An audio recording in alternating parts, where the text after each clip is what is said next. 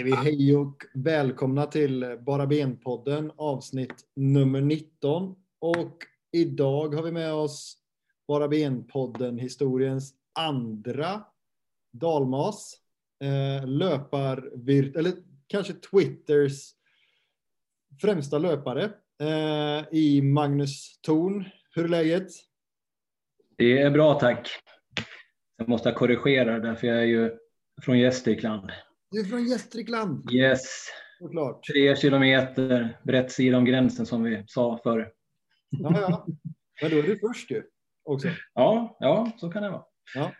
Yes. Härligt, härligt. Och eh, Antonio Matanovic, hur är läget med dig? Stort tack, det är bra. Jag skulle egentligen suttit i hotellet ikväll var det planerat, men eh, jag skulle behöva vara på jobbet imorgon bitti. Så jag sitter faktiskt i bil här nu eh, och för innan det ska rasas där ute kan jag säga att jag håller inte telefonen. Jag har lagt den så att jag hör er, men eh, jag tittar inte på er. Det är som att ni sitter i baksätet. Det är bra tack. Eh, det är så fint att jag börjar lämna Stockholm här nu eh, och det är alltid lite skönt när man lämnar Stockholms trafik. Sitter i en blåvit tröja. Det är klart att eh, man vill hetsa dem lite i trafiken så gott det bara går. Låter Antonio hälsa från en rastplats på baksidan. Eh, Christian Olsson, hur är läget med dig? Jo tack, det är bra. Det är bra. Um, ja, inget särskilt att rapportera här från Tynnered. Det är lugnt och fint och härligt. Härligt. Inga spårvagnar som har spårat? Eller? Nej. Nej, inget sånt. Ingen Inget. helikopter som surrar, ingenting. Nej, härligt, härligt. Och jag heter Daniel Andrén och det är bra med mig också, tack. Um, det var skaplig presentation av uh, tröjorna vill jag tillstå. Vad, vad, vad tyckte ni om dem? Uh, Magnus, du kan få börja. Ja, men jag tycker den var den var bra liksom. Man har inte blivit bortskämd på senare år tycker jag med presentationer och så där, men det har, eh, man har höjt sig bra tycker jag. Så det var liksom en bra flört med vad som har varit och landa in i, i nutiden. Alltså jag är nöjd med den. Ja. Absolut. Va, va, jag reagerade på det här med, med mitt ansvar. Den, var, den, den gillade jag. Ja, men absolut. Det är lite sånt man, man eftersöker. Ansvar och krav. Ja, precis. Eh, Christian, vad tyckte du? Eh, nej men igår när jag såg den så tyckte jag att jag gillade den verkligen och jag gillade att det inte var så mycket tillbakablickande till gamla meriter utan att man tittade bak på en dålig säsong och ja, men jag gillade också hela den här ansvarsbiten. Eh, sen så har det blivit en liten diskussion idag på Twitter om att eh, det, damerna inte var med. Mm. Och där skäms jag lite grann för att säga att det tänkte jag inte på igår. Eh, men när jag tänker på det idag så tycker jag att det är ganska konstigt för dem. Eller jag tror att jag förstår varför. Eh, just för att de har valt den här ansvars och revanschtonen medan damerna är ett väldigt ungt lag och de gjorde trots allt en bra säsong där de kom till final i eh, F17-cupen och gick vidare eh, och gick upp i, eh, i trean. Så mm. där, för dem finns det inte så mycket revansch att ta och då kan man liksom inte använda det greppet på dem och man kanske inte tycker att det är rimligt att de här 16 17-åriga tjejerna ska stå och prata om att de ska bära klubben på sina axlar. Liksom. Ehm, så jag, jag fattar lite grann varför de inte kan lägga ihop de här grejerna. Men mm. jag tycker fortfarande att det är synd att man inte väljer en annan vinkel eller att man inte ja, men, gör en lite mer tvådelad video eller ja, men se till att få med dem nu när vi ändå har två A-lag. Kan det ha någonting med, eh, alltså för, ursäkta, men alltså, kan det ha någonting att göra med att de ändå är, räknas som amatörer? Och de var med i fjol i och för sig.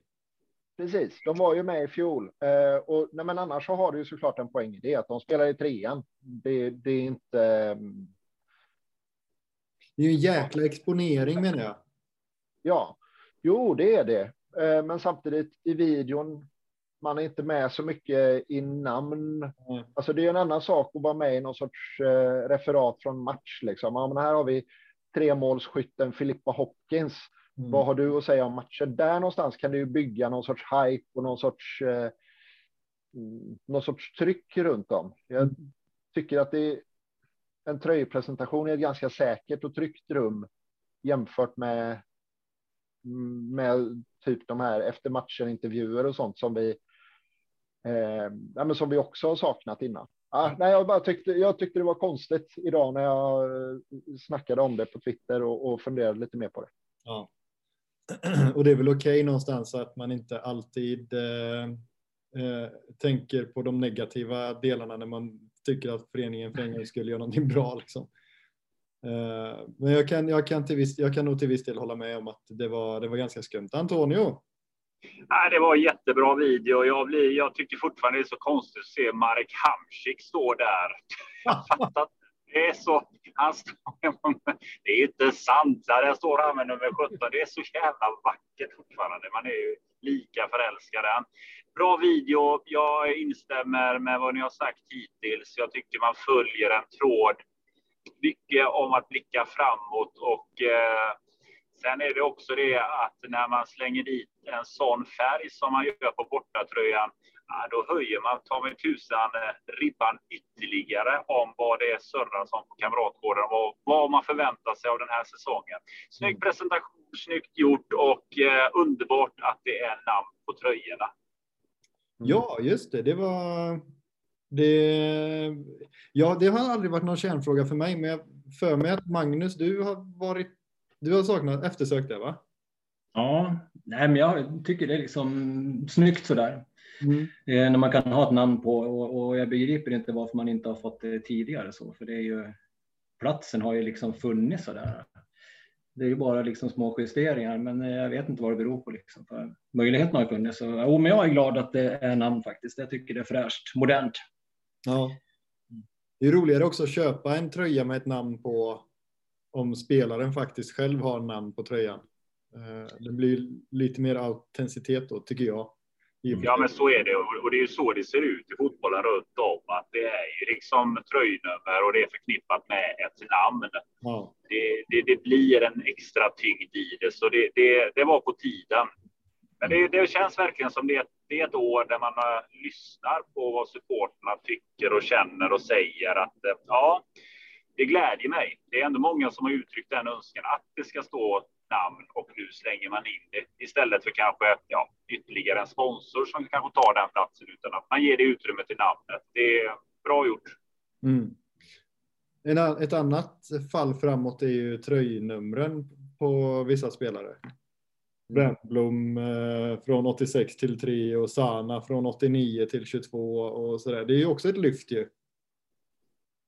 Ja, men man ska inte hålla på med hockey. Alltså, det här är ju avsnitt 19. Steve Eisman säger jag. Det är illa.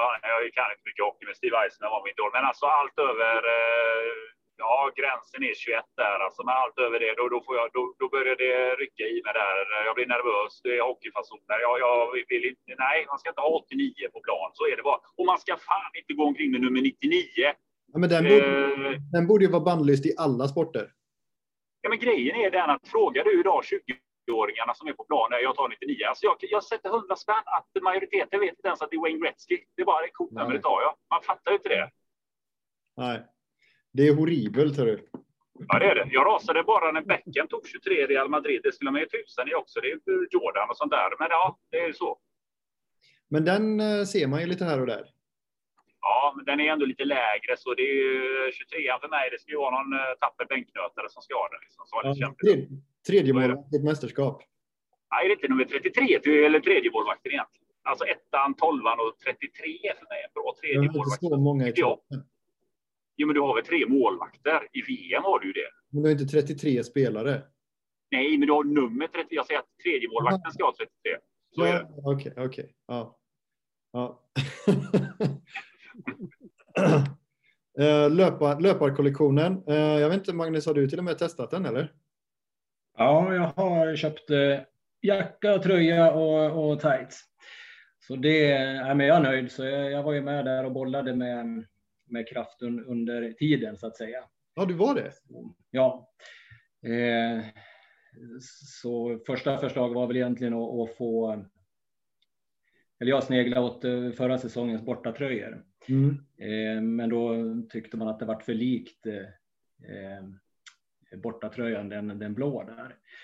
Så då gick vi in på, på diagonala ränder och så. Jag tycker det varit bra, liksom, för jag tänker löparkollektionen ska ju vara liksom en löparkollektion, ska ju kunna gå liksom och, och, och träna, vara hyfsat diskret liksom. Och jag tycker ändå att, att man lyfter fram liksom Blåvitt med, med de diagonala ränderna. Och jag har ju faktiskt diagonalen i klubbmärket till exempel också, så det är inte helt världsfrånvänt att köra det. Det har varit lite kritik mot det från, från vissa håll att det blev så, men eh, det var lite av en kompromiss också. Sen var vi inne på rött också faktiskt och, och den här Sampdoria-tröjan som kom nu som bortaställe. Just det. Så det var kul att bolla lite, men det var ju de som tog det där med till eh, Blåvitt, alltså de som har tagit alla beslut. Så det har ingenting med att göra så. Men de är sköna, jäkligt sköna. Och kvaliteter också. Sen är de jävla dyr också, men eh, ja, de menar att det är, liksom, det är en exklusiv eh, eh, kollektion på något sätt och, och de kostar pengar. Liksom. Jag kan ja. tycka att det är lite för dyrt så, men det är bra grejer. Liksom. Det var jäkligt skönt faktiskt. Funktionella. Ja. En, fråga där Magnus. Eh, jag tänker att eh, det kanske finns några lyssnare. Jag själv har ju haft en gubbvad här nu som börjar släppa, så jag har inte riktigt varit på spåret. Så det har ju blivit några hekton extra runt midjan. Eh, när man tänker storlek och så där, ska man liksom tänka storlek större så att det inte ja, ja. sitter åt för allt för mycket? Ja, tightsen framför allt. De fick jag skicka tillbaks faktiskt och, och ta en större. Mm. Men annars tror jag att de ligger hyfsat i, i i storlek faktiskt. Möjligen att man kanske behöver ha en, en, en större. Okay. Det kan man ja, fundera på tror jag. Ja, men precis. Det kan man fundera på om man ska beställa. Mm. Ja, för Adidas är ju sån, den sitter ganska löst där. Eh, Balkanmodet eh, för många. Men eh, craften där, den, är, den sitter ju åt lite mer. Ja, ja, ja inte kappa, men eh, lite grann. Ja, det är inte kappa, nej. Nej, det går ju hem. Ja, det, alltså, ja. Jag kom i min medium faktiskt. Fortfarande. Jo, jo, men det är lugnt för dig Daniel. Jag, du, du, du har inte de bekymren. Jag är bara 35. Um... Jo, jag, jag, går ju upp i vikt och kollar på en sämre. Just det. Uh, nej, jag, jag, tyck, jag, tyckte de var, jag tyckte de var galanta uh, all, alltihop, men uh, jag får också hålla med om att uh, det, det var saftigt prissatt. Alltså. Ja, verkligen. Men, eh, jag, kanske... jag kommer nog fortsätta löpa i min matchtröja tror jag. Ja. Um... En fundering jag har lite grann där kring den här löparkollektionen. Man kan göra rätt roliga saker med det här nu när man släpper en serie. Och den har ändå tagits emot väldigt väl. Eh, jag vet ju att det ska vara ett... Eh, jag såg ju på det här klippet att det kunde finnas, det skulle vara ett lopp. Man skulle springa från Kamratgården och tillbaka. Men jag tänker på, det finns ju många som köper sådana här kläder som inte bor i Göteborg. Någonting som eh, klubben kanske kan tänka på, det är ju det här man skulle kunna göra en grej av det här med löparkollektionen, att man är med liksom i ett gemensamt race. Man har någon sån här app, jag använder ju Map My Walk till exempel, mm. som reggar eh, mm. hur mycket man har sprungit och gått och så vidare. Det hade ju varit en rolig grej om eh, det hade skett en sån grej på supportrarna. Vi ska springa till en stad och då ska man liksom, ja, alla har ju ett ansvar liksom att bidra med sina steg och löp och så vidare. Och kanske man kan nå till en stad dit Blåvitt ska gå. Eh, man kan till exempel ta nästa års, eh, ja, man kan ta en eh, Europa League-finalstad eller ja. kanske ja, något Man skulle kunna bygga en ganska intressant hype kring det här med löparkollektionen tror jag och tror jag skulle kunna bli en riktigt rolig grej. Skulle nog kunna få mer och ännu fler att köpa kanske en löparkollektion om man har gjort en supporteraktivitet kring det. Ja, och, och, också någonting ihop med det här visa färg-tänket som, som var för några år sedan. Alltså att man mm. löper, löper, i löparkollektionen till eh, Paris. Ja. ja. Det är inte dumt, Antonio. Nej, den får du smida på lite. Den får du, den får du pitcha. det, det, jag hoppas att det redan pågår en diskussion inte men det, det skulle kunna sälja. Nu, nu kommer ni få behöva hjälpa mig här lite. För Dagrasha ut. Eh, Afan ut. Holm ut. Kouakou ut. Kallisir. Kalisir ut. Årets anfallare ut. Sargon ut. Tom Amos på lån. Eh, Wikström på lån. Titti på lån. Titti på lån. Har vi några mer eh, borta där? Så vi inte glömmer någon. Fanerud. Eh, Alex Fan. Fanerud ut. Har han lagt av förresten eller Han letar klubb fortfarande. letar klubb? Ja. Någonting, någonting sånt i alla fall. 9-10 spelare bort. Marek Hamsik in. Eh, Oskar Wendt in. Marcus Berg in. Eh, Kalle Johansson in. Kolbein in. Kolbein in. Årets nykomling in. Kevin. Kevin Kevin Jakob. Ja, just det. In. Vad är det här för fönster liksom? Vad, vad Gustav, Gustav Norlin. Vad sa du? Gustav Norlin. Gustav Norlin. Jag glömmer alltid honom.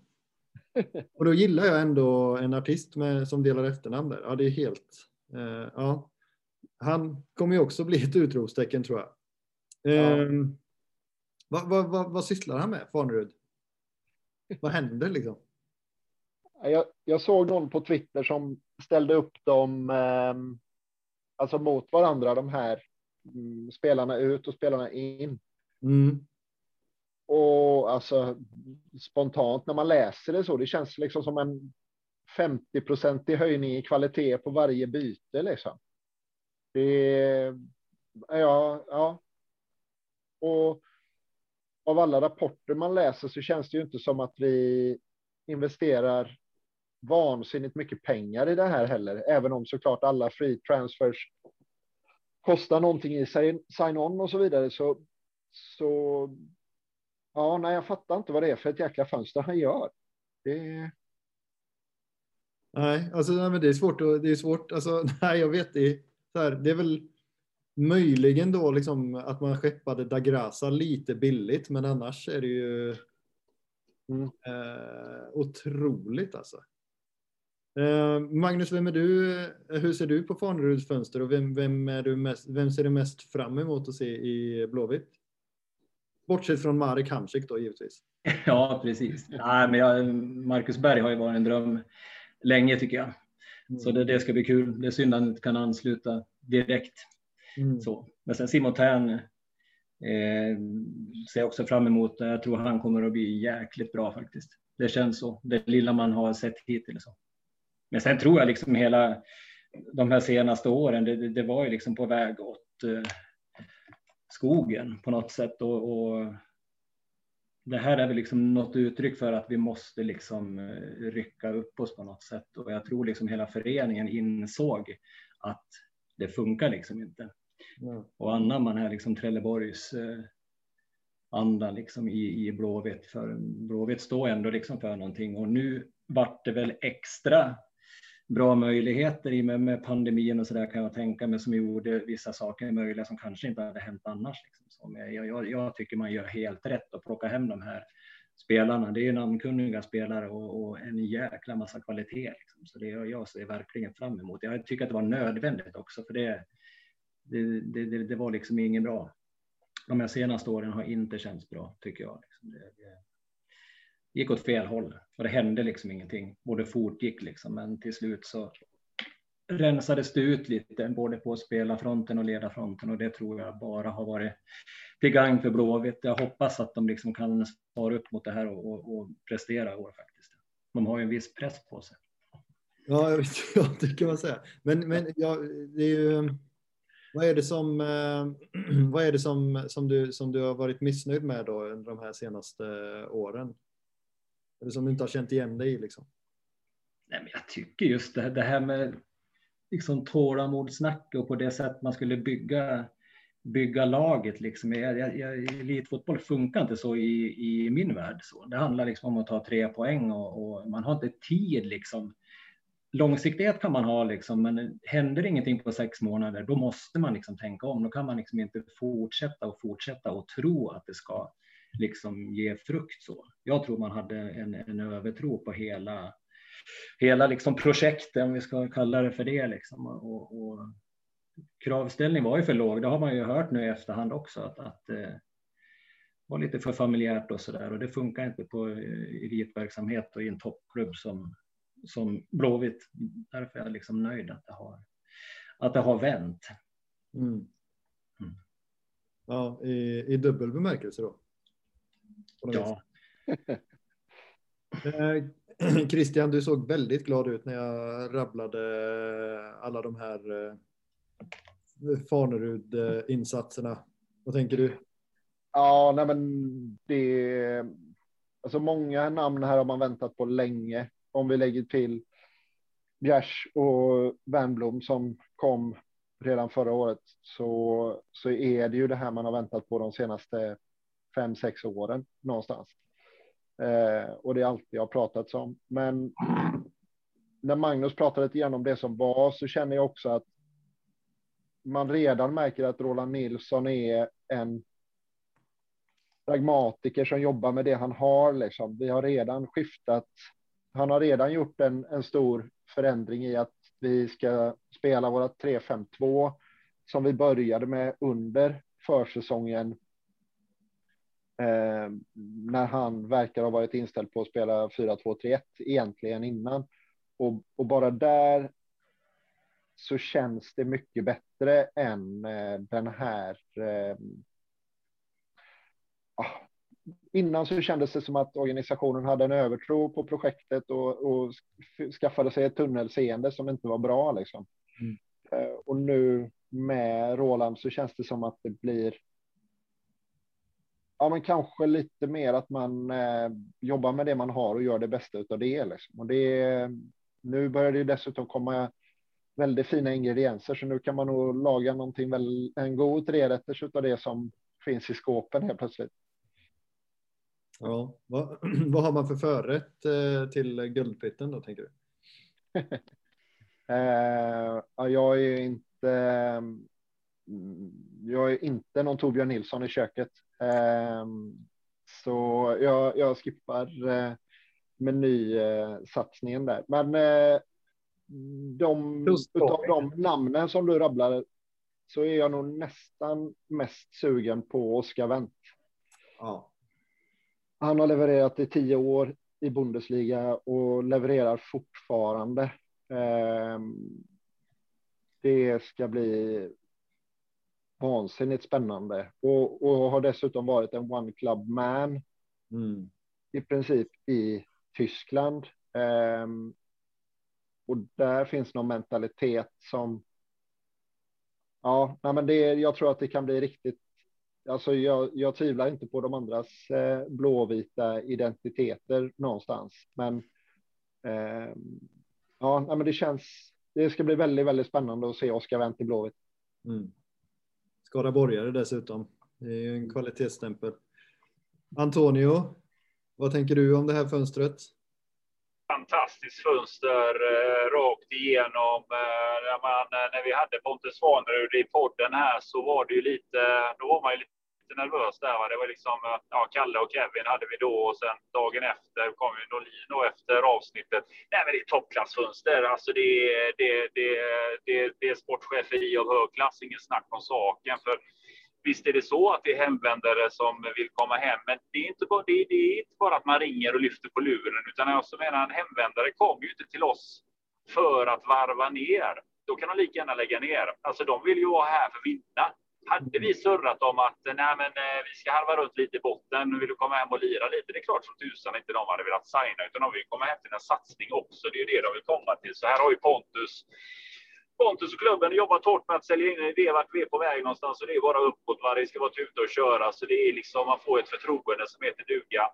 Av de som har kommit, det, det, är, det är fantastiska nyförvärv. Oskar Wendt säger jag bara, jag är så nöjd. Jag har haft äran och jag har ju till och med sett eh, Oskar Wendt live nere i Gladbach när man har hälsat på den arenan. Alltså han är stor, men jag tror inte man fattar hur, hur stor han är. Han är jättestor i Gladbach, i en klubb som Alltså när man tänker Bundesliga så tänker man ju Bayern München, men alltså Gladbach är ju där Champions League.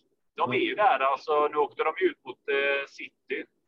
Vad ska man göra? Det är City. Men det är en riktigt bra klubb.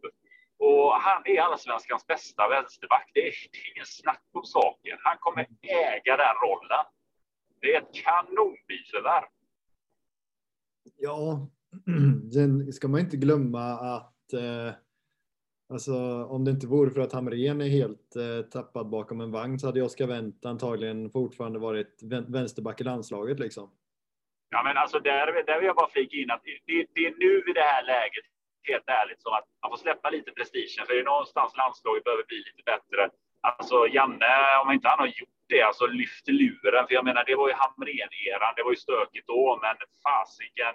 Oskar Wendt skulle absolut platsa i landslaget och göra det jävligt bra ifrån sig. Så att, eh, vet inte tusan om den dörren är stängd helt, men han är så bra.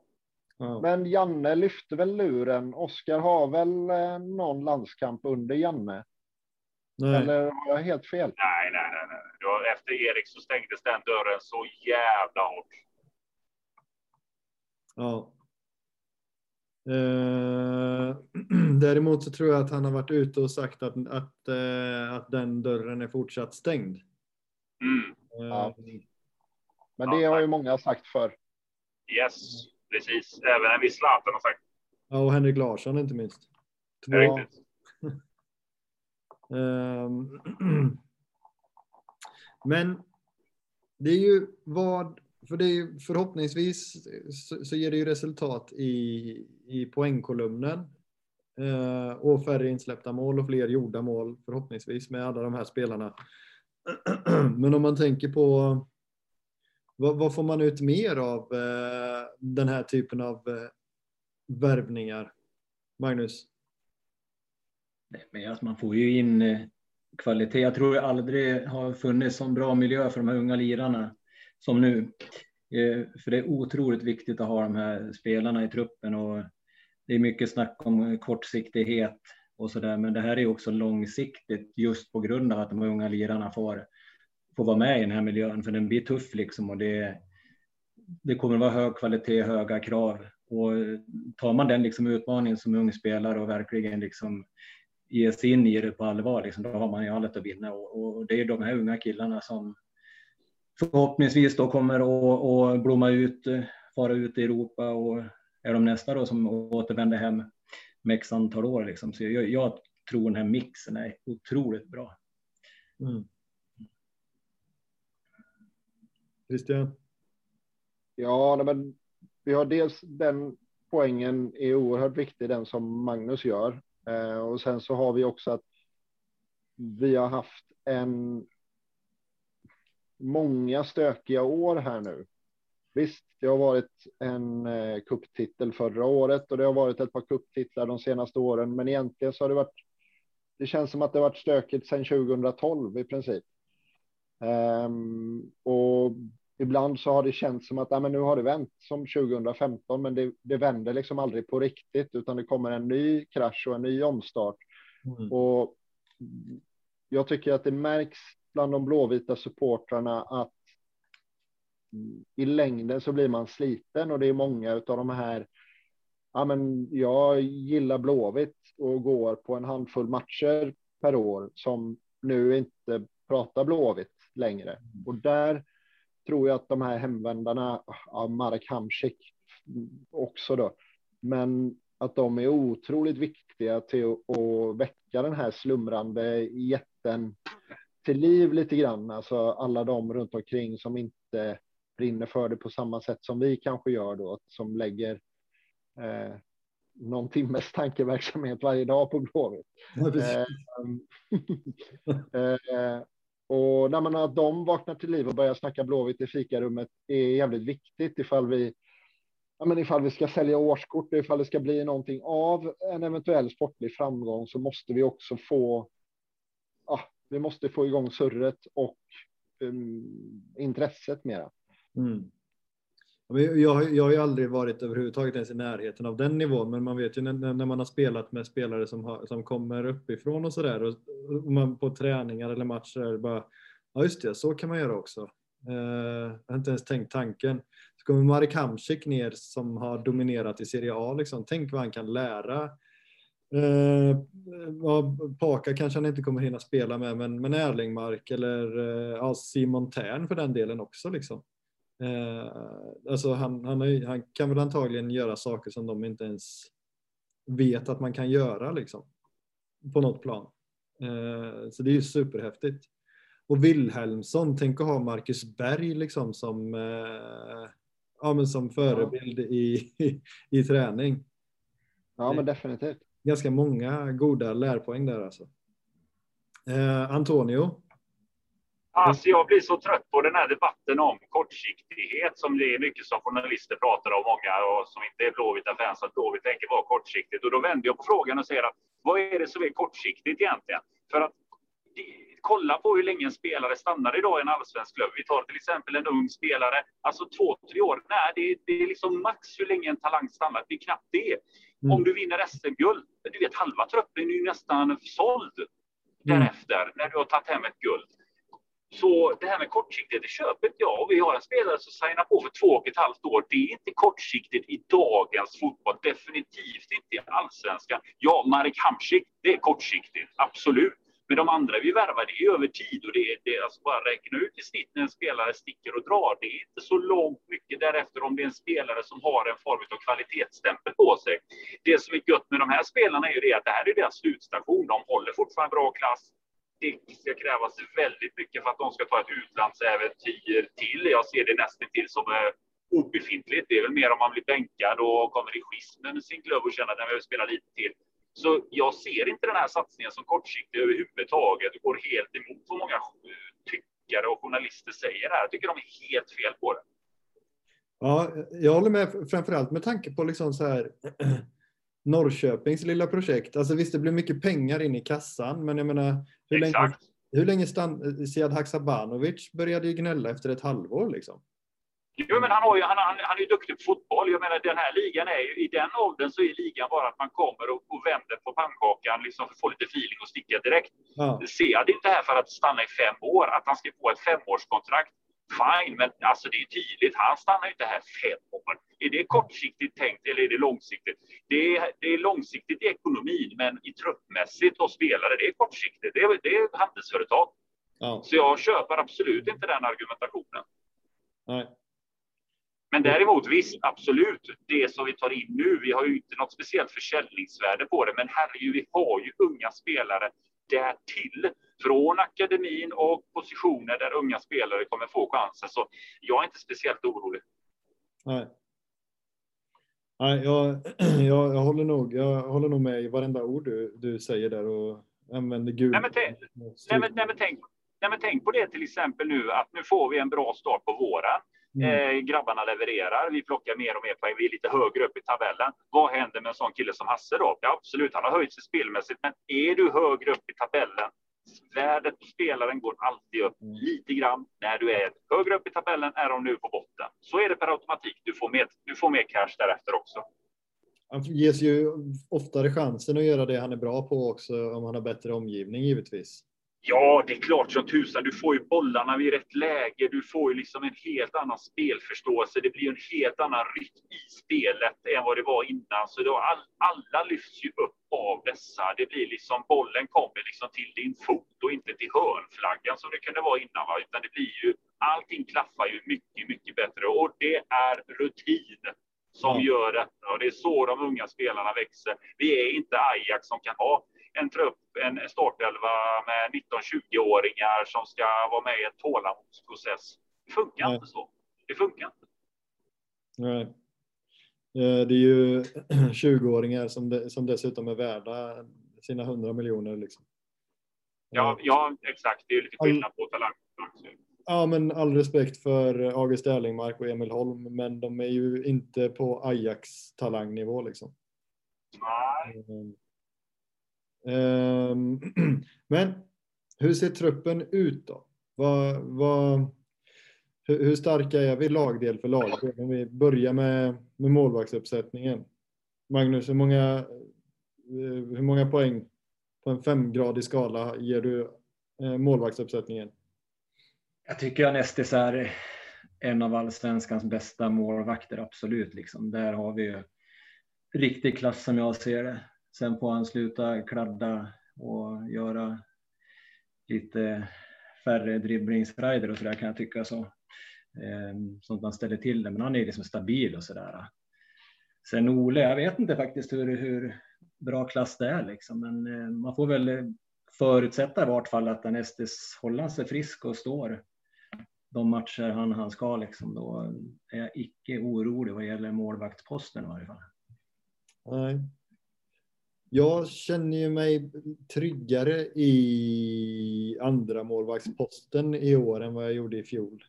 Um, Tom Amos är fortfarande ung givetvis, men han, han är inte riktigt på en allsvensk eh, nivå än. Eh, det känns som att Ole ligger nog eh, ett par steg före kvalitetsmässigt där, så det känns som att vi har en ganska bra målvaktsuppsättning. Mm.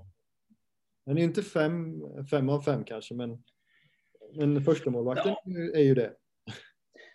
Ja, det tycker jag. Lite. Tycker du inte det Christian? Nej, alltså jag, de här eh, Neuer-fasonerna är, alltså jag, nej. Jag tycker nästan att det, alltså att det drar ett halvt poäng eller kanske till och med ett helt, för det, det ja, men det var ju ändå avgörande ett par gånger i höstas. Ja, det blir... det, det, det blir ju liksom, eh, ja, nej. Ja, det är ju en del av målvaktsspelet givetvis. Ja, nej, men det är det ju liksom. Och vad fan, det man kan inte sätta sig i de situationerna. Nu hoppas jag att han kanske slipper att hamna där när han har en trebackslinje framför sig eh, som funkar på ett annat sätt. Men eh, nej, det där, jag, jag gillar det verkligen inte. Nej. Men, eh, men han är, han är första målvakt. Ja, ja, ja, nej, nej, nej, det är liksom inget snack om det. Det är bara det att det här om att eh, eh, Giannis är så tydligt en av allsvenskans bästa målvakter. Det är väl där jag, jag kan inte säga det med riktigt samma emfas som jag hör från andra. Nej.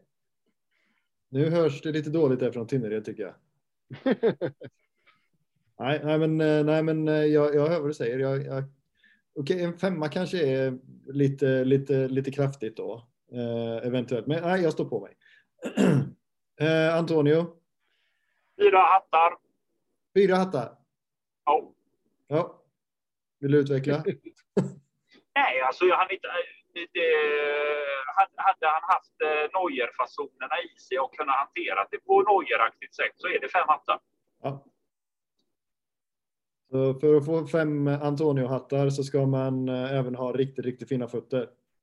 Det är riktigt. Ja. Och det, det, det, det, det är inte många som har. Nej, okej okay då.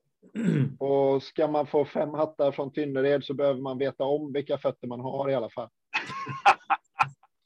som som Lill-Erik som inte vet om han är vänster eller högerfotad. Andreas, Isak, Andreas Isaksson visste ju att han var kass med fötterna. Det är därför han får så bra betyg. Han var ju medveten om sina kassa fötter, eller hur Christian? Exakt så. Ja, så är det. Ja. Um, mm. Backlinjen. Mm. Ska vi börja med Christian där då? Alltså första elvan som jag sätter den med Sebban, Bjärs och Kalle. Um, och nu sätter jag väl wingbacksen som mittfältare nu då. Okay. Um, så jag kör en treback och inte en femback. Um, men där tycker jag att vi är och snuddar på fem plus uh, faktiskt. Mm -hmm. Eh, för vi har fina fötter, vi har eh, Kalles huvudspel och Bjärs smartness och positionssäkerhet. Eh, ja, men där tror jag att vi... Det känns riktigt, riktigt bra. Mm. Tycker jag. Sen så är det väl lite oklart vilka som står näst på tur eh, vilka det är som ska vikariera, men vi har ju bra där bakom också. Det måste man ju ha tänkt på Erlingmark till viss del eftersom att man lånar ut Wikström. Sen är väl Torlinsson fram till sommaren då Eh, Precis, och både Erlingmark och Torlinsson är ju bra mittbackar. Mm. Eh, så där, nej, men det tycker jag känns väldigt, väldigt bra. Ja. Antonio? Svårt där, eh, treback. Eh, jag pendlar mellan... Eh, jag har inte riktigt bestämt mig, men jag har ju Bjärs där. Jag har, Agge- ja, jag har Torlinsson här nu. Sen Mhm. är det mellan honom och Agge där som går in. Sebban är också med. där. Kalle ska absolut spela. Eh, det är lite, jag är inte riktigt såld på försvaret riktigt ännu. Alltså Bjärsmyr har sina skavanker. Kalle är bra. Jag har inte riktigt lyft de andra ännu. Men det är tre hattar. Tre hattar. Det Ja. är inte. Ja. Ja. Mm. Magnus? Ja, jag är ju ganska överens med Christian där faktiskt vad gäller eh, trebacken där med Kalle, Bjärs och, och Seb. Och det är jäkla fint att se Seb senaste matcherna när han lyfter, för han, där har vi liksom kvalitet och sen får ju folk säga vad fan de vill om honom liksom. Men eh, när han är liksom på topp får förtroende och jag tror att han gillar det här när, när de här lirarna kommer hem och, och han får det här trycket på både träning och, och match hela tiden. Liksom kommer han att lyfta sig så. Men jag, jag tänker Kalle är ju den som vi kommer att ha mest nytta av, tänker jag ändå. Han är ju stark i luftrummet, både försvaret och i anfallet på fasta situationer till exempel. Kommer att generera ett par bollar i nät, tror jag. Bjärs är stabil och så, men det är lite frågetecken där för skadebenägenheten förstås. Så. Eh, Men sen tycker jag Erlingmark faktiskt är bättre som mittback än vad han är som mittfältare. Jag skulle vilja att han, att han hade den liksom rollen, får den, det är liksom hans utgångsposition på något sätt. Och jag tror han på något sätt också kommer att få större chans att lira där än på mittfältet, för där är det jäkligt trångt idag. Mm. Men fyra, fyra domkyrkor från Uppsala på Ja, herregud. backen där. Ja. Jag, vill lägga till att eh, när Oskar Wendt kommer hem så är det fyra hattar. För han kommer också vara med där defensivt. hjälpa. Då är det fyra hattar med Wendt. Fy, det, ja, det är ett snål nu Antonio, men ja, ja. Ehm, nej, jag, jag, jag vacklar lite. Fem hattar krävs. Jo, men alltså, jag, jag delar inte ut en femma bara sådär. Det Nej, är riktigt. nej, det är riktigt. Det är rätt och riktigt. Uh, Jag är gnällig och bitter emellanåt. Ja, men det, det, jag tycker om dig för det. Eh, Ja, tack. Ni, ni får där ute. Eh, jag, eh, jag kan inte riktigt ge dig en femma, men däremot, eh, jag, jag är med på att det är Seb, Kalle och Bjärsmyr. Men det, det som, eh, jag, jag lyfter då också en van, ett varningens finger för Bjärsmyrs eh, baksida eller baksidor eh, där. Men då finns ju Erlingmark eh, som backup. Där, eh, för han kan väl knappast få en eh, ordinarie tröja på mittfältet i år. Alltså. Det känns... Nej, och särskilt inte fram till sommaren. Nej. Nej, men det, det, känns, det känns som en stabil backlinje. Den har alla ingredienser på något vis med en väldigt spelskicklig Sebastian Eriksson. Eh, två väldigt eh, duktiga huvudspelare i Bjärsmyr och Kalle, där Kalle till, även är, är duktig offensivt. Eh, alla känns ändå placeringsbegåvade eh, liksom. Så det känns som en bra trebackslinje, helt klart. Det, jag säger Ja, alltså- Magnus där, alltså- att Sebban är ju, han är ju underskattad liksom. Mm. Ja, absolut. Man ska inte underskatta Bjärs eh, passningsfot heller faktiskt. Framförallt det finns längden på den. Mm. Den, den är han bra på. Um, Okej, så då har, vi, då har vi wingbacksen med där då i det här ehm, ja, det blir femmanna mittfält då helt enkelt. Ja.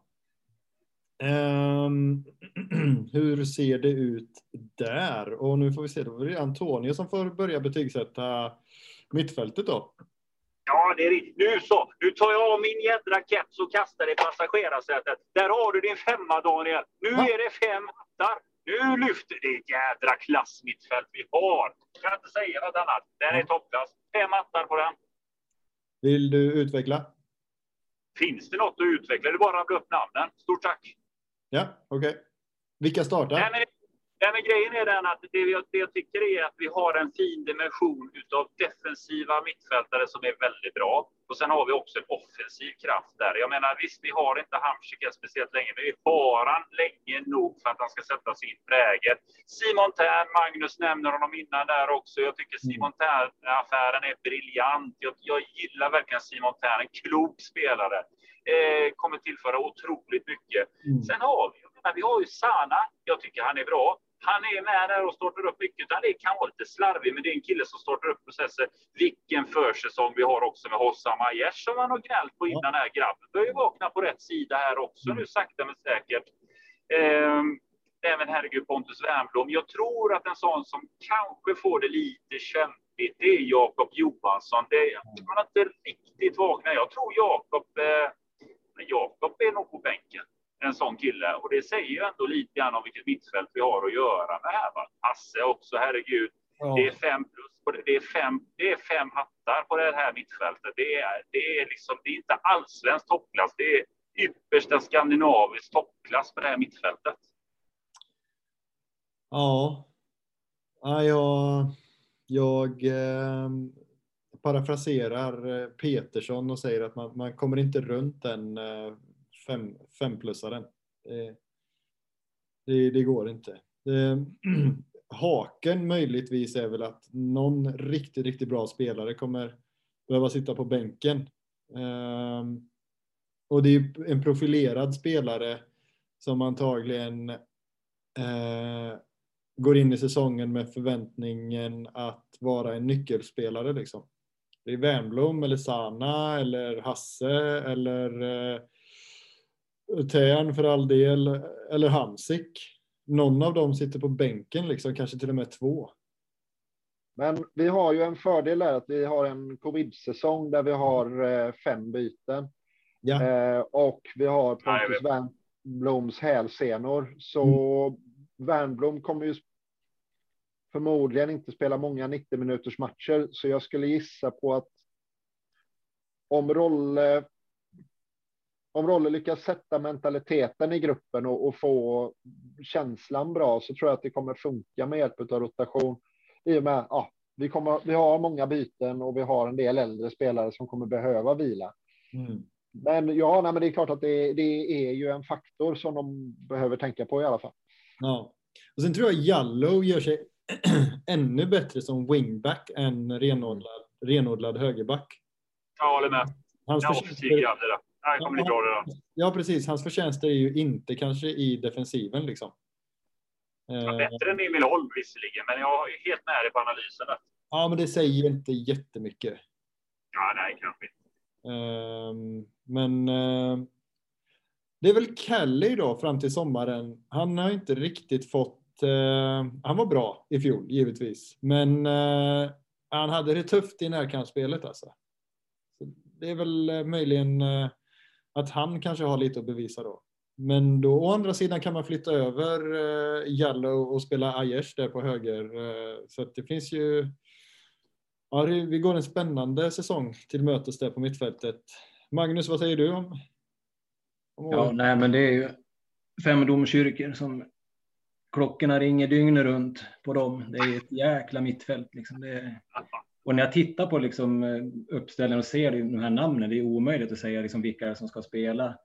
Eh, det är få tror jag som kommer ha en given plats. Så jag instämmer med den jag sagt tidigare att rotationen kommer att vara viktig och jag hoppas att alla liksom är med på liksom den biten också, för det är, är, spelare som kommer att vara i, i bra form som till och med kommer att få sitta på bänken, starta på bänken. Men jag, jag tror ju på rotationen också, att hålla spelarna fräscha liksom och jag tror man är medveten om det också. Jag hoppas det, liksom. men det, det ser ju nästan löjligt bra ut. Absolut. Passa vidare till Christian. Ja, men allt, allt är ju sagt. Det är ju fem, fem hattar definitivt. Det är, mm. Ja, men jag. Alltså, det fanns ju en period eh, under Stares eh, Blåvitt när det kändes som att vi hade 20 innermittar. Men då hade vi ju 20 medelmåttiga innermittar. Mm. Nu, det här är ju någonting helt annat. Eh, alltså nu simmar vi ju i klassmittfältare helt plötsligt. Ja. Eh, nej, det, det, ska bli väldigt spännande att se och ja, nej, det är härligt. Ja, vi har alltså en, en, Ja, jag är lite... ja, vi har alltså en mittfältare som kommer vara lagkapten i EM. Bara en sån sak. Precis, precis.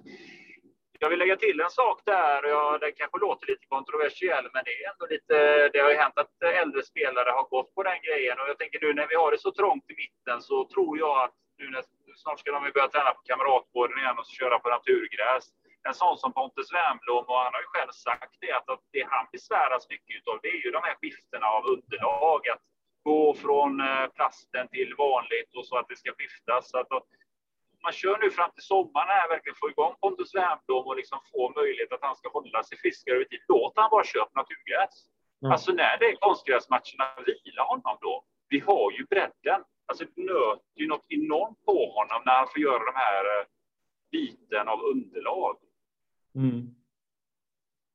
Vi har ju bredden för att kunna göra detta nu. Så var det med Zlatan när han var i MLS. Han spelade ut konstgräsmatcher. Han sa det var ju bara vanligt han skulle spela primärt för att liksom hålla sig i form och inte åka på nya skador. Han spelade konstgräs eh, enkom i slutspelet, va? Eller? Eller hur var det? Ja, Ja, det, Ja. det tar jag inte gift på. Ehm, ja, och ja men då, då gäller det ju att få Wernbloom att köpa det. Eh, ja, det är ju det liksom. Han vill väl förmodligen också spela alla matcher och köra alla, alla träningar. Liksom.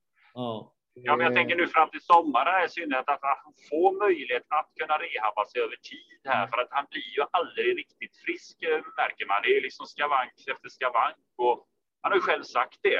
Jag träffade ju honom herregud förra året. Vi snackades vid i höstas där. Han sa ju det. Nej, men den här biten av underlag, det är skitjobbigt. Det gör så jävla ont efter matcherna. Jag har svinont. ja. ja. Det är inget kul. Det,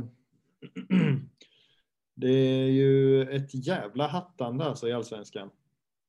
Eh, konstgräs och naturgräs. Ehm, men Konst, konstgräs och gräs säger vi i den här podden va? vad sa jag? Naturgräs, förlåt.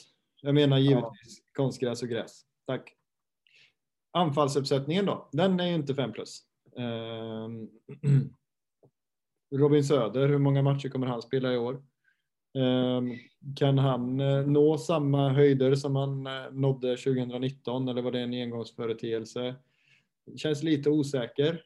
Eh, I grunden gillar jag Robin Söder, men eh, jag vet inte om han är en 15 måls anfallare egentligen.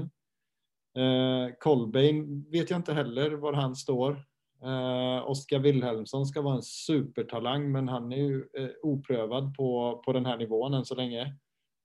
Nej, kanske inte supertalang, men han ska vara en jättestor talang i alla fall. Ehm, så fram till sommaren så kan jag ju inte ge den några, ja, där ger den nog eh, tre eh, hattar av fem. Ehm, men efter sommaren med Marcus Berg in så, så blir det en femma. Ehm, jag passar till Magnus. Mm, nej, men det känns ju osäkert med Söder förstås. Jag tror tyvärr inte han når liksom de här högre höjderna. Så jag hoppas verkligen det, för jag gillar också Robin Söder. Eh, och sen Kolbeinn, det är liksom ja, 50-50 om det ska blomma också. Det är mycket man liksom får hoppas på sådär. Men däremot tycker jag man ska köra Oskar Wilhelmsson ganska friskt med tanke på omgivningen han har på mittfältet och, och över hela plan i princip. Spela honom så mycket det går egentligen. Mm. Det, det skulle jag vilja, att han kommer in i det här för en ung spelare. Okej, okay, de är orutinerade, har inte spelat mycket, men i det här sällskapet finns ju ingen bättre liksom, miljö att testa. Liksom. Och det är inte han som kommer att få skit för om Blåvitt misslyckas. Det är helt andra spelare. Det är bra läge att spela honom. Liksom. Så jag, där har jag en förhoppning så. Kolbeinn Söder, lite frågetecken. Och sen när Berg kommer förstås, då dyker det upp en domkyrka till i, i från tre till fyra, kanske Mm. fem. Mm. Men det är osäkert. Det, det, jag vet inte. Norlin tycker jag man kanske ska försöka peta fram. Ja, just det. Ja, Ja, det är en variant också. ja. Ja, det, ja, vart fan ska han in annars liksom? Ja. Ja, men han är väl en av mittfältarna som är på bänken annars. Men, Ja. eh, men han eh, har väl definitivt kvaliteter som en som den här lite släpande anfallaren. Jo, jo. Eh, Men jag tänker samma som Magnus egentligen att eh, Wilhelmsson och få stångas med Bjärs och Kalle och Seb på träning och få springa på bollar av Hamsik. Det, ja, det kan ju bli bra. Ja, Det kan nog vara utvecklande i alla fall. minst sagt. Vad, vad ger du eh, anfallsuppsättningen för betyg då? Ja, men det är en svag trea i nuläget. Eh, Det är det ju. Alltså det är. Ja, med det, med det vi vet liksom. Eh, det är ju jättemycket osäkerheter där, men med bergen så blir det ju. Ja, men jag instämmer med tidigare en fyra, kanske en femma. Ja, härligt. Hänger ju väldigt mycket, alltså blommar både Kolbeinn och Söder så kanske vi sitter på en femma redan nu. Du sitter liksom- på bänken i augusti. Nej, det gör han ju inte Nej, såklart. det gör inte. Eh, Då har vi sålt Kolbeinn. Ja, just det. Ja, just det. Till Saudi, Exakt. 40 miljoner.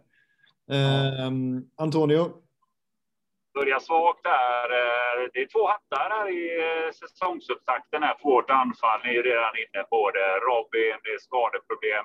Kolbeinn, ja, svårt, svårt. Eh, Wilhelmsson in. Jag hoppas Wilhelmsson får spela. Han, kommer ju, han är ju ung, han behöver tränas in i detta. Sen kommer Marcus Berg. Vi kan få upp det här till en fyra efter sommaren, men just nu är det en två, två hattar. Det är vår svagaste länk. Jag hoppas vi spelar Wilhelmsson och Robin Söder från starten när allsvenskan sätter igång. ja. Det, Ehm, det, det är en jädra bra skola för honom. En jädra bra omgivning att komma in i. Och eh, ja, men de där passningarna han kan få från vissa medspelare, det, är- det är få förunnat. Lägen kommer ges och eh, då ska vi nyttja här. Och han har goda vitsord, mycket fin beröm från egna led. Låt han spela grabben. Ja. Ja. um, Men. Det här med att eh, vi ändå sitter på så många äldre spelare. Är det en risk eller är det bara trötta avundsjuka motståndarsupporters? Christian? Alltså någonstans så är det såklart en risk. Ehm, men vi har ju också varit inne på det att alltså det är så. Nu sitter jag, jag har inte räknat ut snittet på, på truppen eh, nu, men ehm, för någon vecka sedan så tror jag det var någon, så såg jag någon siffra att den är 0,8 år äldre än Häckens till exempel då. Och så truppen är ju inte så vansinnigt ålderstigen som folk vill få den till för det första då. Eh, och för det andra så hade, vi, hade truppen kryllat av unga spelare så stannar inte de i längre än i fler än två år heller. Eh, men, nej, men det är klart att det är någonstans så finns det en liten risk eh, i att eh, Wernbloom och Berg eh, och Oskar Wendt skulle gå sönder alla tre samtidigt. Mm. Ja, jag tänker, Men, ja, precis. Och då är jag mer inne på kort, den kortsiktiga risken kanske. För att jag tror vi var ju ganska överens om att långsiktigt så är det här en jättevinst. Eh, med alla de här. Men om man tänker kortsiktigt så, kan, alltså, så kanske riskerna kan vara större om alla drar baksidan samtidigt mot, mot förmodan. Liksom. Eh, Magnus, vad, vad säger du? Är det trötta, tråkiga motståndarsupporters och journalister för den delen, eh, Oskar Månsson? Eh, Ja.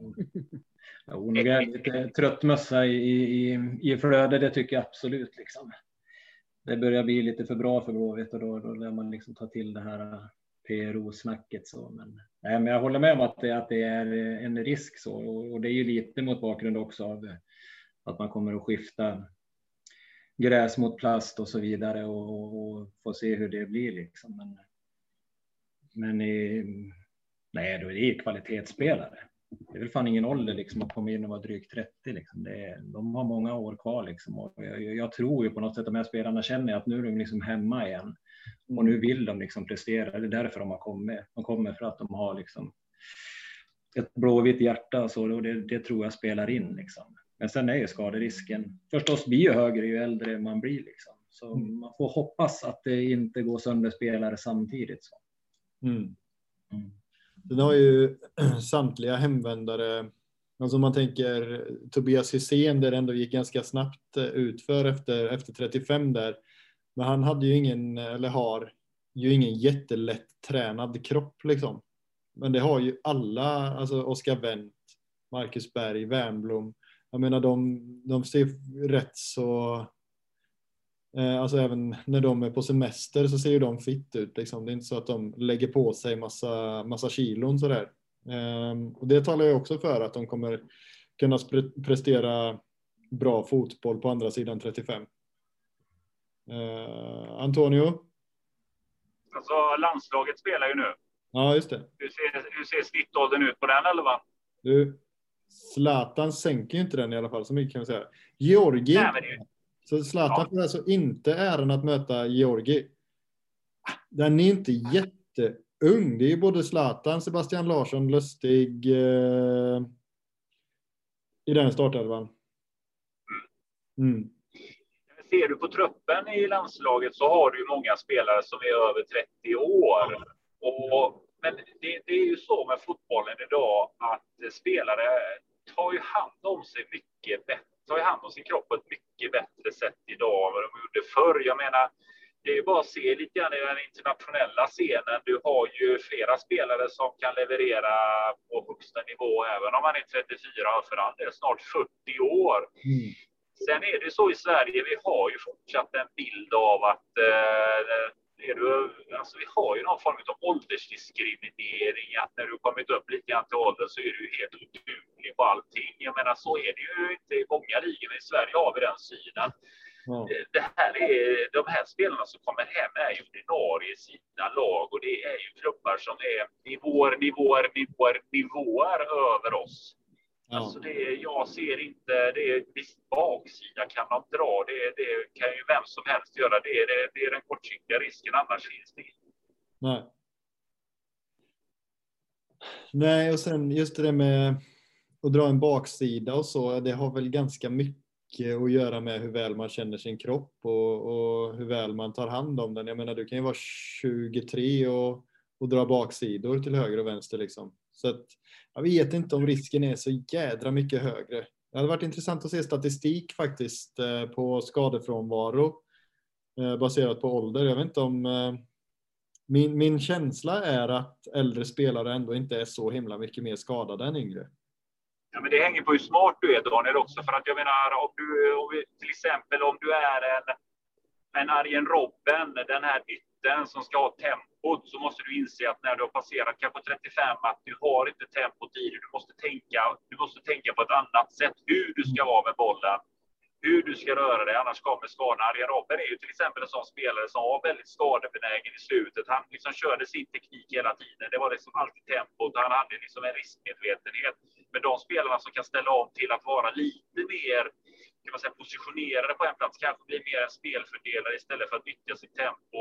En anfallare som kanske är lite runt om i boxen blir mer en centertank och inte jobbar hemåt på samma sätt, är en smart spelare och en tränare ser detta med att du ska inte kunna göra jobbet på hela planen som du gjorde förr, utan du gör det du är bra på nu, där du har rutinen. Då klarar man det mycket längre. Så nej, det, det är bara att se på det. Det, det. det kan vara svårare för äldre spelare som har levt på Eh, snabbhet och teknik att kunna ställa om till att bli en annan spelare för att man kanske inte har det på samma sätt idag. Ehm, men de som kan tänka till och vara nyttiga det man är bra på och inte liksom dra allt för mycket spurter och vara lika ivrig som förr. Men de har ju större chans att klara sig längre. Ja. Ja. Ja, vi får väl se vem som får rätt, men jag har ju svårt att se att det här skulle vara en dålig eh, satsning, vare sig långsiktigt eller kortsiktigt. Men det, var... ja, men det, enda, det, det, förlåt, Tony, det enda som kritikerna kanske är inne på lite grann, det är ju det att vi måste ju sälja spelare med mm. tanke på den ekonomiska situationen, att spelare som kommer in tar en plats från någon som vi kanske skulle då den här tiden utvecklat och fått en slant för. Det är väl det som också många har kritiserat, eh, för vi måste få in pengar i spelarförsäljningar. Just det. Men det måste väl för fan alla lag? Ja, vi är ju lite mer beroende dock än vissa andra lag. Vi har ju fortfarande en ganska hög omkostnad i vår förening. Eh, vi har ju ändå förhållandevis ett ganska lågt eget kapital och lågt kassaflöde. Just det. Eh, Men där får man ju ändå utgå ifrån att Pontus Farnerud har koll på vad som finns i akademin och vad som är på väg uppåt. Mm. och och vad har vi? Dahlqvist och Wilhelmsson. Ja, sen finns det några andra också, men jag vet inte om man ska sitta och namedroppa massa, massa juniorer. Men... Nej, men, nej, men det jag tänker på är som, som är frekvent med A-laget hela tiden nu så är det väl de två, va? Ja, förutom Thorlinsson. Tränar också tror jag. Ja. ja men, och då, då um, då vet ju Pontus om det någonstans när han plockar in alla de här spelarna. Och, och det är ingen anledning att avstå från att plocka in Oscar Wendt till exempel. Nej. Gaia Kelly kommer få den här våren i alla fall. Ja. Och kommer sen ha Oscar Wendt att träna med ja. i höst. Liksom. Det kommer bli bra. Ja. Och han kommer ju vilja spela trots att Wendt kommer. Jag menar hur, hur mycket, alltså den att konkurrera med Oscar Wendt är ju knappast negativt. Liksom. Nej. Um, jag tror, var det du Christian som sa att Häcken uh, var, hade en snittålder som var 0,8 år lägre än Blåvitt? Ja, det är, det är kollat för någon månad sedan. Ja. Hur ser läget ut i övrigt i de andra allsvenska klubbarna? Nu struntar vi i ålder och bara funderar på vilka kan, kan Blåvitt utmana Malmö FF. Vilka kan utmana Malmö FF? För de är väl ändå eh, eh, superfavoriter. Vad, vad, finns det? Christian? Um, Malmö FF-spelarna själva såg jag lite citat ifrån i, idag inför matchen imorgon och de börjar lyfta Blåvitt som eh, en eh, kandidat till att ta upp kampen. Eh, det tycker jag är lite spännande. Men annars så tycker jag. Jag tror inte på Häcken. Jag tror att de fortfarande har en ojämnhet i. Ja, jag tror inte att de lyckas lösa det över en hel säsong det här året heller. utan att det är Djurgården och Norrköping. Och Sen så ligger väl eh, Hammarby, AIK och vi därefter kanske. Ja. Eh, nu, ja, i vanlig ordning så har jag så fruktansvärt dålig koll på de andra lagen, utan det här är lite grann. Ja, men lite grann hur snacket går och lite grann vad de har värvat och så där. Men det är inte så att jag har sett några andra matcher precis. Jag tycker att man ska gå på magkänsla, Christian. Gött. Det är jättebra. Eh, Magnus, har du koll på motståndet? Nej. Jag såg när frågan dök upp här på, på agendan. Jag är fullständigt ointresserad av alla andra lag. alltså, nej, liksom. Det jag, stöter, det jag stöter på när jag läser, liksom, ja, men det kan jag liksom ta till mig och, och jag hör och jag ser resultat och så där. Så det är mycket magkänsla hos mig också. Nej, men det har liksom varit så. Jag inte, folk har sagt till mig när det varit liksom prat om fotboll, så där, ja, men vad, vad, vad, tycker du Magnus, du är fotbollsintresserad? Och sen, nej, men jag är intresserad av Blåvitt, liksom. jag är inte så jävla intresserad av fotboll. Så, så jag, jag, jag, sitter inte och lusläser den här bibeln som kommer i, i Aftonbladet, Expressen och så där. Jag brukar försöka ta del av Blåvitt så där. Så. Ja. Jag vet inte, men jag har, jag har ju liksom hyfsad koll. Så där. Jag tror att Malmö förstås går ju inte att, att räkna bort så. Sen Norrköping tänker jag också. Häcken kommer ju aldrig att hinna, det, det vet man, men att de kanske ligger i topp 4-5 så. Mm. Eh, Hammarby, AIK, det är de lagen. Jag tror att det, det står mellan så. Jag hoppas att Blåvitt kan vara, vara med liksom. Det beror mycket på våren, tänker jag. Mm. Starten blir det så där. Och, men läget är bra liksom. Och sen Malmö är jäkligt osäkert sett i resultaten, åtminstone på träningsmatcherna. Jag har inte sett någon match, men det verkar inte ha varit klang och jubel direkt när de har lirat i Svenska mm. cupen och så där. Så det blir roligt att se imorgon faktiskt. Det blir lite värdemätare också. Ja, verkligen. Ja, det blir kul. Antonio? Ja, alltså det är några klubbar som är med där uppe och härjar i år. Eh, Malmö ska ju klassas som favoriter, absolut. Eh, Häcken kommer inte vinna guld, men de kommer stöka där uppe. De har ändå gjort bra nyförvärv. De har värvat intressant och ungt också. Jag tycker de här killarna de har hittat där eh, från Elfenbenskusten, rätta mig om fel, verkar ju sätta god prägel på dem. Martin Eriksson är ju pigg sportchef där. Han gör mycket också där och han har ett bra nätverk. Eh, häcken kommer inte vinna guld, men de ska absolut kämpa om en Europaplats. Jag tror inte riktigt på Djurgården i år som så många gärna vill lyfta fram. Det är alltid Bosse Andersson hit och dit, men de har sålt så himla mycket rutin. Så det mm. kan bli lite svårare för dem eh, den här säsongen. Det känns som de är lite inne. De har påbörjat någon form av lite omställningsfas där om man tittar lite på truppen. AIK, alltså de var, de blev ju AIK igen förra året i hösten. Defensivt fokus. Räcker inte till toppen. Malmö är där. Norrköping går mot en liten halvstökig säsong nu. Vi får se. Det är, ingen hund och att Haksabanovic ska säljas. Det, de gör fina affärer. Eh, ska vi vara med i toppen, vilket jag tycker att vi ska ha som krav. Vi, vi ska vi ska slåss för guld. Vi ska vara med där uppe och kämpa. Jag hoppas på ett sätt att eh, Malmö FF tar sig in till eh, en Europaturnering. Mm. Det då är Europa League eller Conference League. Jag hoppas att eh, flera klubbar gör det för att det är någonting svenska lag är skitkassa på att hantera så är det att spela ut Europa och ligan samtidigt och det gör inte vi. Vi kan gå full blås liga. Så ut med Europa där och gräv lite guld så tar vi hem ligan istället. Mm. Ja, jag, eh, ja, så, så, Antonio kräver guld. Uh, Christian? Ja, jag kräver guld. Um, ah, jag måste fega lite och säga att om vi får en bra vår så kräver jag topp tre i alla fall. Ja. Magnus? Äh, topp tre. Eh, det, det, det, måste man kräva. Sen tycker jag att man absolut ska gå, gå för guld. Liksom. Det, det, kan bära hela vägen om vi har liksom alla stjärnor på himlen med oss. Ja, ja jag håller med. Och sen, och sen så Christian, du eh, hade ju en, en, en intressant eh, fråga att diskutera där om, vi, om man tänker på Norrköping från 2014 där de slutade 12 och sen vann de 2015. Och alltså man kan ju se det som kontinuiteten där i, i Norrköping var ju Janne.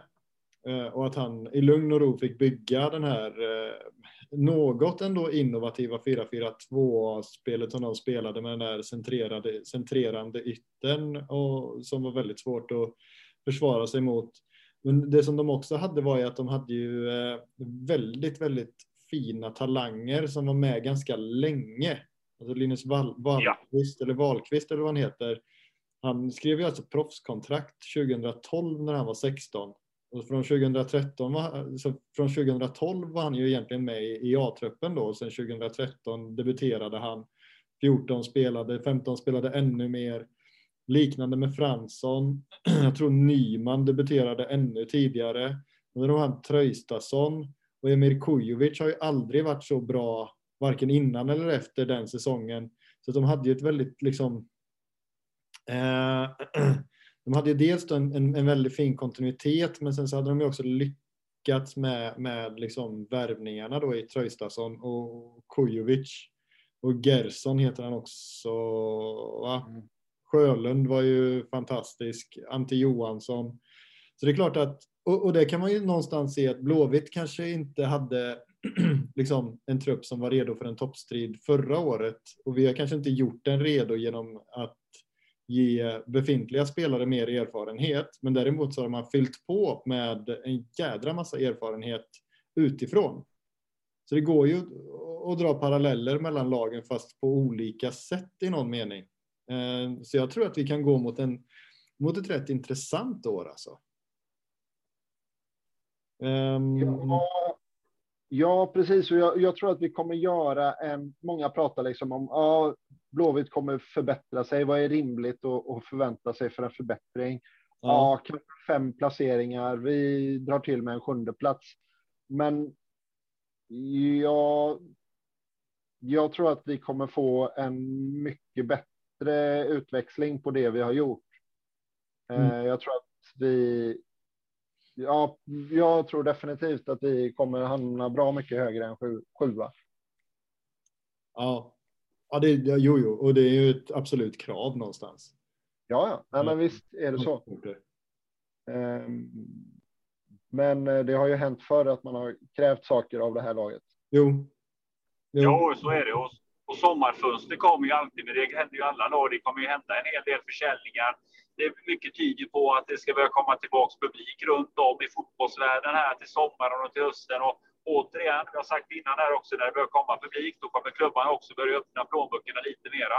De mm. investeras mera. Ja, vi har ju ett par spelare som ska lämna oss till sommaren. Det måste ju ske. De ska ju ersättas. Men alltså det är, det är en grund vi har här nu och de spelarna vi har värvat tillbaks nu, om vi ska ta hemvändarna, det är ju alltså det är spelare som brinner för klubben. Det, är, de är, det, här är, det här är hemma för dem. Så det är inte vilka erfarna spelare som helst, utan det är ju grabbar som eh, vill köra järnet. Ja. Nej, men vi ska vara med i toppen. Alltså det, det här, de här namnen det klingar jädrigt gott. Och, alltså det, vi ska ha den målbilden att vara med där uppe i toppen. Vi har ingenting att skämmas för nu. Tålamodet är borta. Det har vi, den har sjunkit ner i Göta älv där någonstans, där med paddan eller någonting. Liksom. Nu, nu är det resultatfokus igen och det är det är i hela organisationen. Det är verkligen så i hela organisationen. Det är helt andra saker som diskuteras. Och jag menar, det är återigen, smäller man bort den här borta tröjan man gör nu, nej, det, det, är bara en signal för mig. Det där, det, det är back to basic. Det är tillbaks upp i toppen. Man har inte den där borta tröjan om man inte tror på det. Så enkelt är det. Ja, det är ingen slump. Nej, men det är ingen slump. Man kan inte slänga upp den i säga att nu satsar vi på komma 10. Det är uppåt som gäller. Den tröjan är lika med toppstrid. Det är ja. därför man kör med den.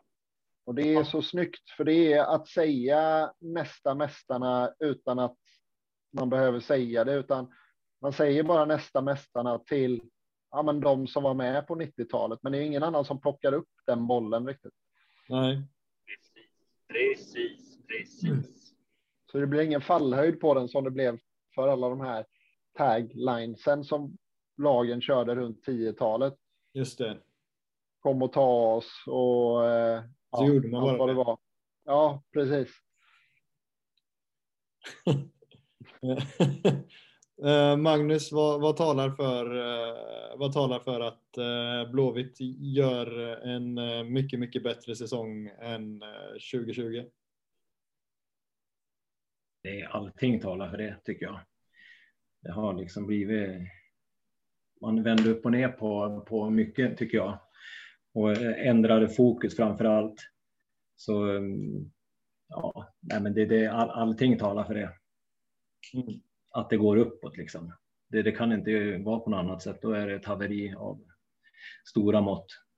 Mm. Det inte skulle, skulle lyfta liksom. Sen får vi se hur långt liksom, men att det ska lyfta högt. Det, det förutsätter jag. Liksom. Mm. Och så hela panelen kräver i alla fall topp tre eh, med undantag för mig och Antonio som kräver guld då. Det är riktigt. Ja. Christian? Ja, nej, men det stämmer ju. Mm. Eh, det är ju det vi har sagt. Ja. Eh, men, nej, men det finns väl ingenting som, eh, som talar eh, för att det skulle gå sämre eller lika dåligt som förra säsongen, tycker jag inte. Nej. Fönstret så har vi varit eniga i att det är en förbättring på i princip samtliga positioner där man har förändrat. Eh, vi tror att tränaren har satt en spelidé som passar materialet vi har. Ja. Eh, och alltså allsvenskan är alltså motståndet har ju inte förbättrats så mycket så att vi ska hamna tolva bara därför liksom. Eh, det är fortfarande samma gamla allsvenska. Ja, vi har ju inte värvat för, för att uppnå status quo liksom. Nej, precis. Eh, så, så enkelt är det ju. Eh, sista punkten på körschemat. Hur ser laget ut efter sommaren? Alltså vad kan vi sälja? Och ja, ja, vad har vi för mänskligt kapital? Det är ju, ehm, jag tänker Alltså- spontant på, på Erlingmark kanske och, och, och Hasse, kanske Jallow. s- som skulle kunna vara aktuella för lite större, eller ja, halvstora försäljningar i alla fall. Vad säger Christian? Jag tror att vi måste sälja Hasse till sommaren om det ska bli några pengar, för jag tror inte han förlänger kontraktet igen. Just det. Eh, och, ehm, och det känns ju. Ja, så det, det känns orimligt att han är kvar till hösten. Eh, även om han är en sån spelare som man som jag gärna hade sett i Blåvitt för evigt på något Ja. sätt. Ehm, men annars så är det väl Erlingmark. Ehm, vi får väl se om han förlänger här nu eller om han är tydlig med att han vill vidare. Uh, Yellow. Tolinsson är ju såld då. Wilhelmsson, om han skulle göra någon succé. Anfallare är ju alltid anfallare någonstans. Mm. Eh, ja, men det är väl det. Ja. Magnus, hur, hur, hur känns det för dig om, med, med Hasse? Du var ju tidig, tidigt på honom ju. Ja, jag såg ju första matchen han gjorde där för Blåvitt i, i Dalaskogen då. Ja, men det var ju något riktigt speciellt den matchen, även om motståndet var ett Dala-hopplock så. Han hade liksom det där lilla extra och det har alla sett nu att han besitter. Så det är ju liksom guldklimpen. Nej, jag håller med Christian, hade velat sett honom i Blåvitt tills han fyllde 50. Man verkar aldrig kunna sluta springa heller liksom, så det är, är det är en underbar spelare, men det han förutsätter att försvinna liksom. Och jag hoppas att han gör en riktigt jäkla bra vår så vi kan casha in lite. Mm. De är inte behov av att sälja så mycket mer kanske, jag vet inte, men ja. Nej, annars är det väl eh, Erlingmark då, möjligen som går, går iväg. Eh, Jallow tror jag jäkligt mycket på, men jag tror att han skulle må bra av att vara kvar i Blåvitt ett tag till. Mm. Och sen med Wilhelmsson, eh, blir det liksom en vår, han sätter en 3-4, då kan det ju bli försäljning av det här också. Men det är samma sak där, jag vill inte att de ska bort. Liksom. Nej. Ett drömscenario är att vi cashar in mycket på en Hasse, Ja. även om vi vill ha han kvar också, men där finns det pengar. Liksom. Mm. Hasse är väl den i truppen som eh, skulle ha en chans på Göteborgsvarvet eh, i en head-to-head mot dig, eller? Dessutom. Ja, mig skulle han lämna bakom direkt där. Ola Hansson skulle få en match tror jag i varje fall. Man har Hasse bak hasorna där, absolut. Ja, men han, ja, för att fortsätta på det sidospåret, så jag har ju sett honom eh, i löparspåret. Vet jag inte. Jo, jag tror att jag har hälsat honom. Det går snabbt alltså. Ja, han är grym. Ja, men det är någonting helt annat. Ja. Ehm, Men det är intressant, för just det där med, med, med Wilhelmsson som är så ung och sådär. Och, och du har väl jobbat en del med, med juniorfotboll, va? ja, Hur länge skulle du säga att man räknas som talang i, idag? Ja, jag vet inte. Det beror på lite vad, liksom, vilken förening man är, vilken nivå man är på. Men ja, jag vet inte. Talang, det kan ju hänga med väldigt lång tid fram. Liksom, så här. Johnny Rödlund, han var väl talang när han var 35. Och så där. Men 20, drygt 20 år är man väl talang. Sen eh, skulle jag nog inte kalla honom för talang längre. Eller kanske till och med yngre. Så jag vet inte. Man ser sånt där i unga år. Liksom, så. Ja, 17, 18, 19 liksom. Ja, ja det känns ju som, som att eh, man, man ibland pratar om 22-åriga talanger. Och så. där. Då, blir jag, Ja. då blir jag alltid lite tveksam. Ja, Eh. nej, håller med. Eh, Antonio, det är du som är, det är du som har koll på siffrorna. Eh, Yes. oftast. Vad, hur, ser det ut framåt? Sommaren, sommarfönstret ute i Europa. Vad behöver vi göra oss av med? Ja, eh, tittar man på vad Europa tittar på och vad de kan betala lite extra för så är det ju gärna offensiva spelare får man alltid lite mer pröjs för. Det ser vi också historiskt vad vi har fått sålt i stora affärer. Eh, gör Wilhelmsson en eh, fantastisk vår eh, och liksom skapar poäng så kommer det räcka med att sälja honom. That's it. De pengarna kommer liksom täcka drift och liknande. Men som det ser ut idag så för att vi ska ha lite ekonomiska mål att växa. Det, det är ju så, det är så många saker som spelar in i år. Är det någon publik eller vad händer och så vidare. Eh, men två, tre spelarförsäljningar behöver vi göra. Mm. Ska vi se lite grann på värdet så ska vi satsa på att sälja för 30 miljoner i år. Ja, då behöver vi nog sälja tre spelare. Hasse behöver göra mer poäng eh, för att liksom höja sitt värde ute i Europa. Eh, Jalla och Kadej är ju två spelare som de är inte färdiga. Magnus säger det, de skulle må bra av att vara som en sån som Jalla hade ju mått bra av att vara kvar lite till eh, mm. innan han sticker. Men annars behöver vi sälja de tre om inte Willensson gör liksom en, en sån här riktigt skön vår och producerar poäng. Mm. För att eh, vi, behöver, vi behöver ha in de kulorna. För jag menar, det är ju bara att ta en sån sak som förra säsongen. Vi spelade en Europa League-match hemma mm. mot FC Köpenhamn. Det var fem miljoner spänn nästan. Mm. Det, det, är liksom fem miljoner vi inte får. Man får räkna sådana saker som kommer in i det hela. Eh, så behöver vi, ja, så håller vi också lite transferintressenterna lite nöjda också att de får någon kickback på sina investeringar som de gör även i år. Just det. Ehm, men det verkar det ändå som att de eh, har hört lite bön på Kamratgården. Va? För det verkar som att man löser de här eh, eh, hemvändarvärvningarna ur egen ficka och det är ju bra ju. Mm. Ja, men jag, Ja, alltså vi har varit inne på det flera gånger i podden innan att transferintressent pengar bör ju inte användas till spelare som vi inte kan sälja vidare. Ja, precis. Det är ju konstigt. Då pantsätter man ju liksom andra försäljningar och då till slut så hamnar man ju. Springer man för långt i det spåret hamnar man ju i Helsingborgs eh, spåret där man förlorar pengar på att sälja spelare. Liksom. Precis. Um... Hur eh,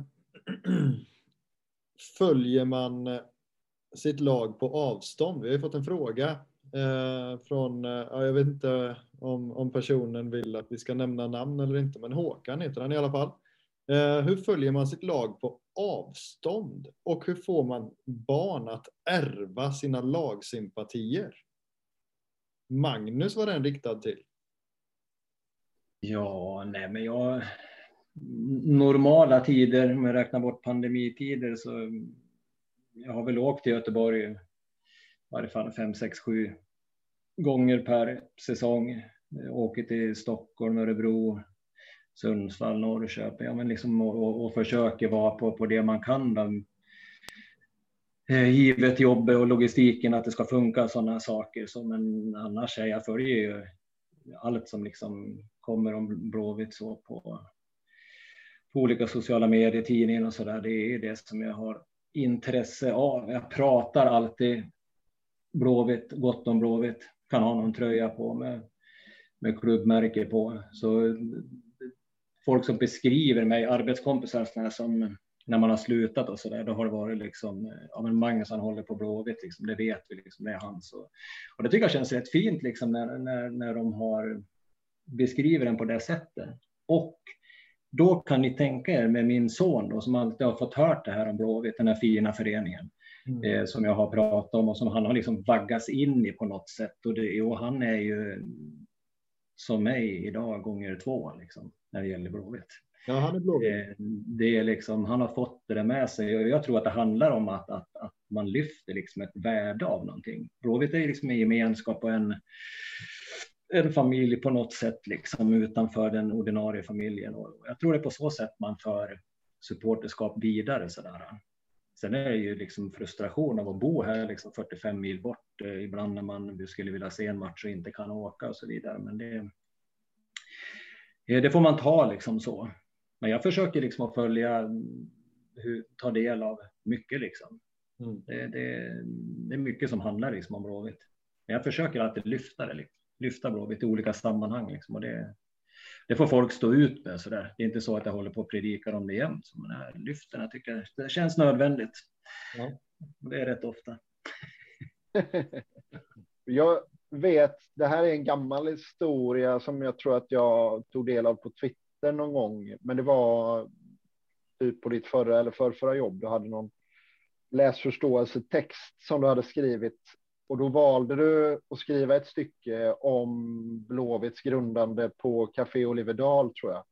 Och det mm. där är ett sånt ypperligt smart sätt att bara utsätta 30 ovetande personer för kraften som är Blåvitt utan att de vet om det. Liksom. Nej, det är snyggt.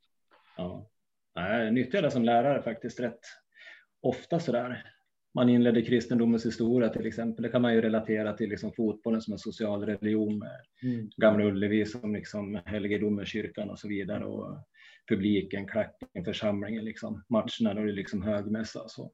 så det visade jag ett par gånger eh, och visa mål liksom och grejer och så där. Så det fick de på köpet där liksom. Sen vet jag inte hur många av dem idag som följer Blåvitt slaviskt, men de fick någonting liksom att suga på så där.